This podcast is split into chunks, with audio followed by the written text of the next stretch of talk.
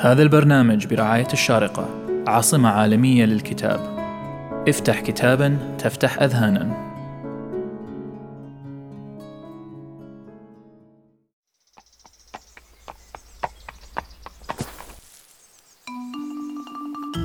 أنا سأحدثكم عن قصص جحا.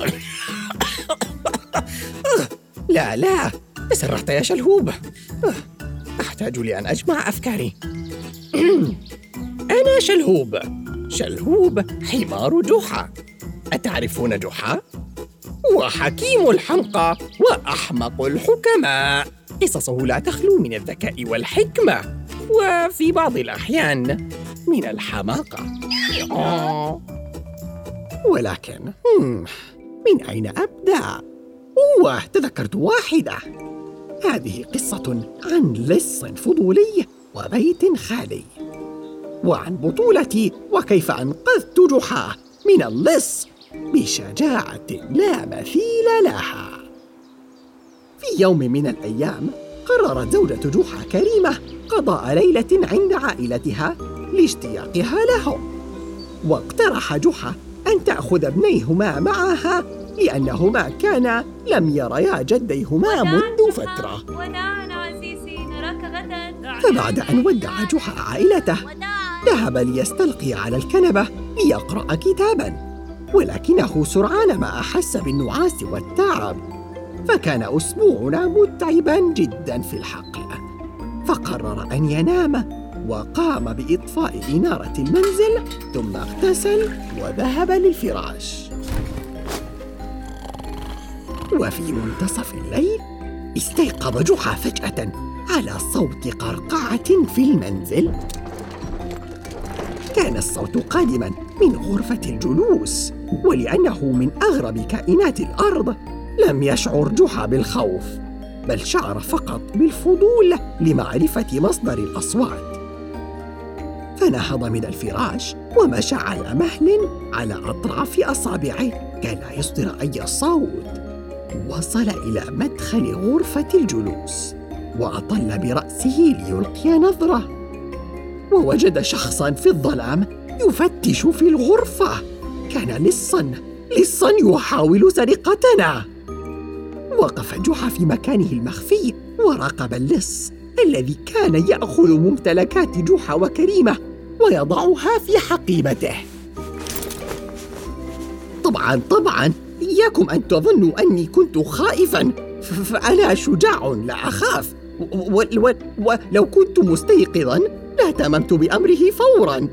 ولكن لحظه كنت ما زلت نائما في الخارج حالما بحقول تفاح وحمارة جميلة اسمها شهباء. آه لنرجع للقصة. كان الظلام كالحا فبكل خفة وهدوء ذهب جحا إلى المطبخ دون أن يراه اللص. وفتح الشباك ببطء شديد. كنت غارقا في نوم عميق فهمس جحا محاولا أن يوقظني من النوم. شلوب شلوب انقلبت إلى الجهة الثانية وأكملت النوم فأمسك ببرتقالة من المطبخ ورماها باتجاهي. دفعتها بعيدا عني وأكملت النوم. لم أرد اللعب أردت النوم.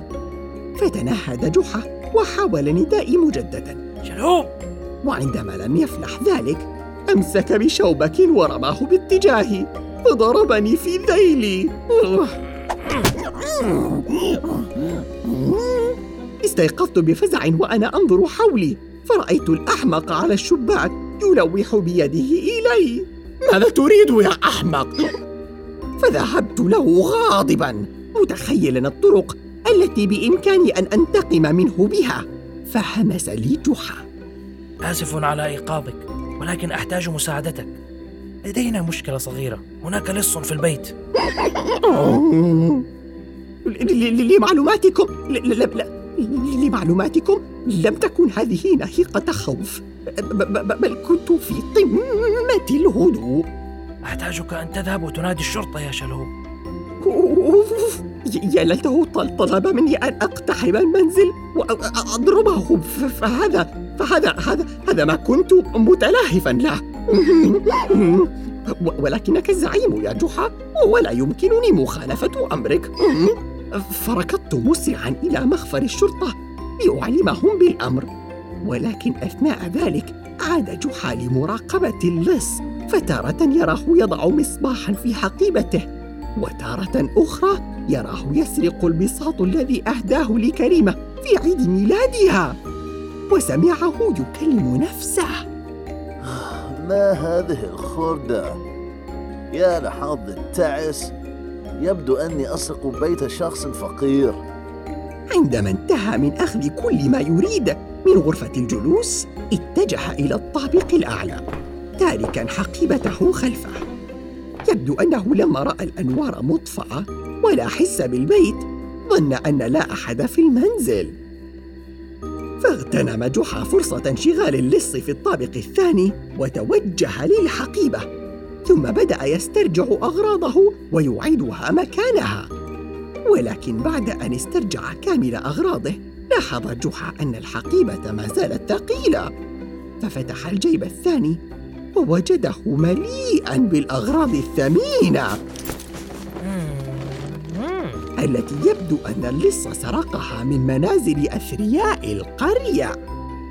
في تلك اللحظة جاءت فكرة لجحا الحاذق فبدأ يأخذ منها الأغراض كلها. فأخرج مزهرية من الخزف المزخرف بالأزهار ووضعها في زاوية الغرفة. ثم وجد لوحة في الحقيبة كانت تبدو أنها لفنان مشهور. فأخذها وعلقها في مكان رسمة كان قد رسمها له ابنه أدهم. ثم لفت انتباهه طبق من الفضة انتشله ووضعه على الطاولة. كل هذه الأغراض كانت محاطة بشال من الحرير الناعم فأخذه وألقى به على الكنبة. وبقي في الحقيبة شيء واحد. وهو شمعدان فاخر ولكن عندما كان جحا على وشك أن يأخذه سمع صوت خطوات اللص يعود لغرفة الجلوس. فأخذ جحا الحقيبة بأكملها وأسرع ليختبئ داخل صندوق كبير في غرفة الجلوس. طوال هذا الوقت وأنا عند مخفر الشرطة أحاول أن أشرح لهم أن هناك لصا في منزل الجحا وهم ينظرون لي وكأني أتكلم سنسكريتي. فحاولت أن أفهمهم بلغة الإشارة ما أريد. وهم يضحكون ظانين أني ألعب معهم لعبة بدون كلام. كلما أعمل إشارة إلى أن هناك لصا في المنزل يضحكون ويطعمونني تفاحة. هذا الحمار ماذا يفعل هذا الحمار أما في البيت فقد عاد اللص إلى غرفة الجلوس. وصدم عندما لم يجد حقيبته. ها؟ أين حقيبتي؟ أنا متأكد أني تركتها هنا. فبدأ يبحث عنها وهلعه يزيد. وجحا حينها كان يراقبه عبر شق صغير في الصندوق. فرآه يبحث عنها خلف الكنبة وتحت الطاولة وداخل الخزانة. لكن طوال هذه المدة وجحا يمنع نفسه عن الضحك. فاللص بحيرة من أمره ليس فقط لأنه لم يستطع إيجاد الحقيبة بل لأنه بدأ يلاحظ أن بعضا من أغراض جحا تبدو له مألوفة فمر بالمزهرية أولاً. كأني رأيت هذه المزهرية من قبل واللوحة أليست هذه اللوحة التي أخذتها من البيت السابق؟ وعندما رأى طبق الفضة والشال ثم لاحظ أن جميع الأغراض التي كان أخذها من بيت جحا قد عادت لمكانها.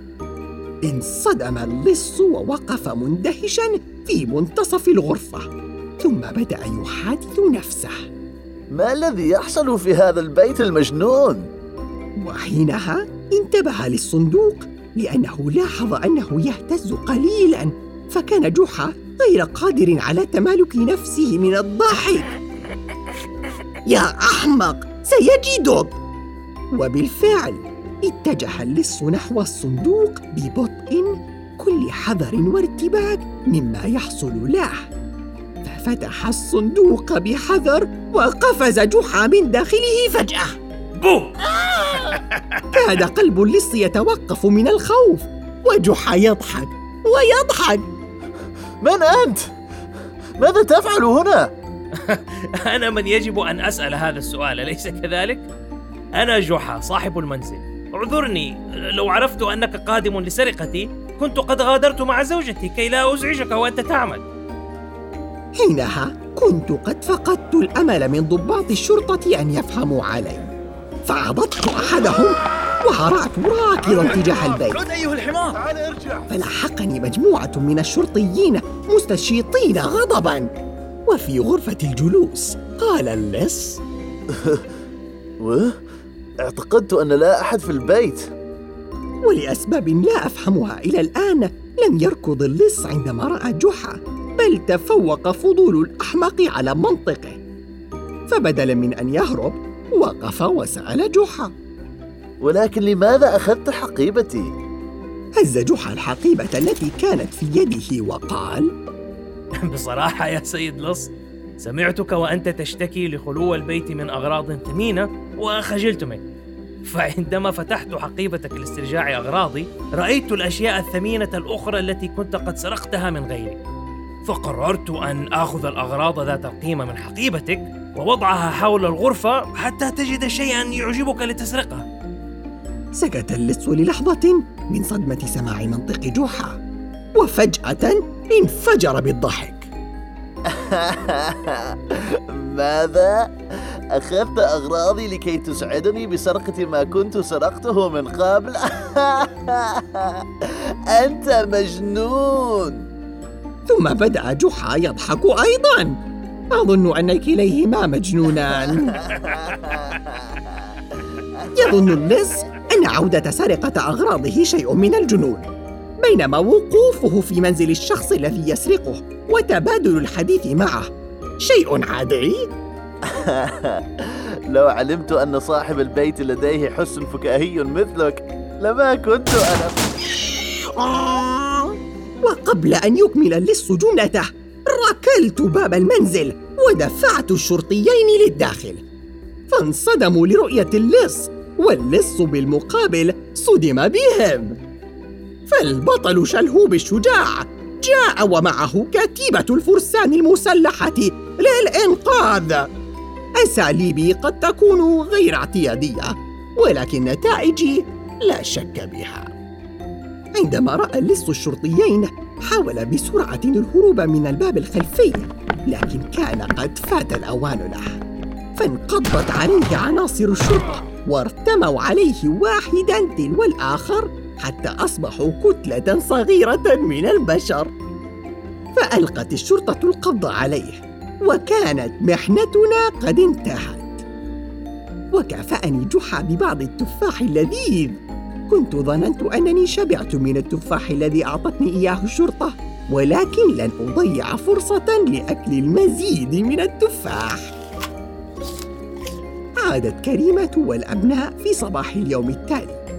متوقعة أن المنزل سيكون في حالة من الفوضى ولكن ما وجدته كان أسوأ مما توقعته وحتى لما أخبرها جحا بالذي مررنا به وشجاعتي المذهلة لم تلن كريمة وجعلتنا ننظف البيت كله.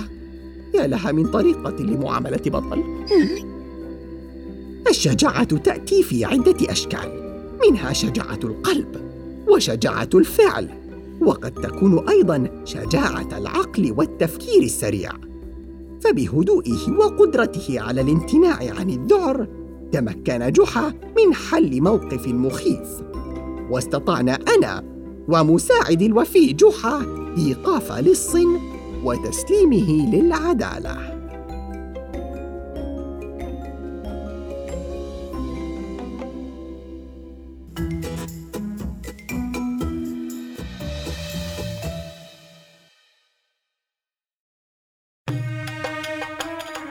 هذا البرنامج برعاية الشارقة عاصمة عالمية للكتاب. افتح كتابا تفتح أذهانا.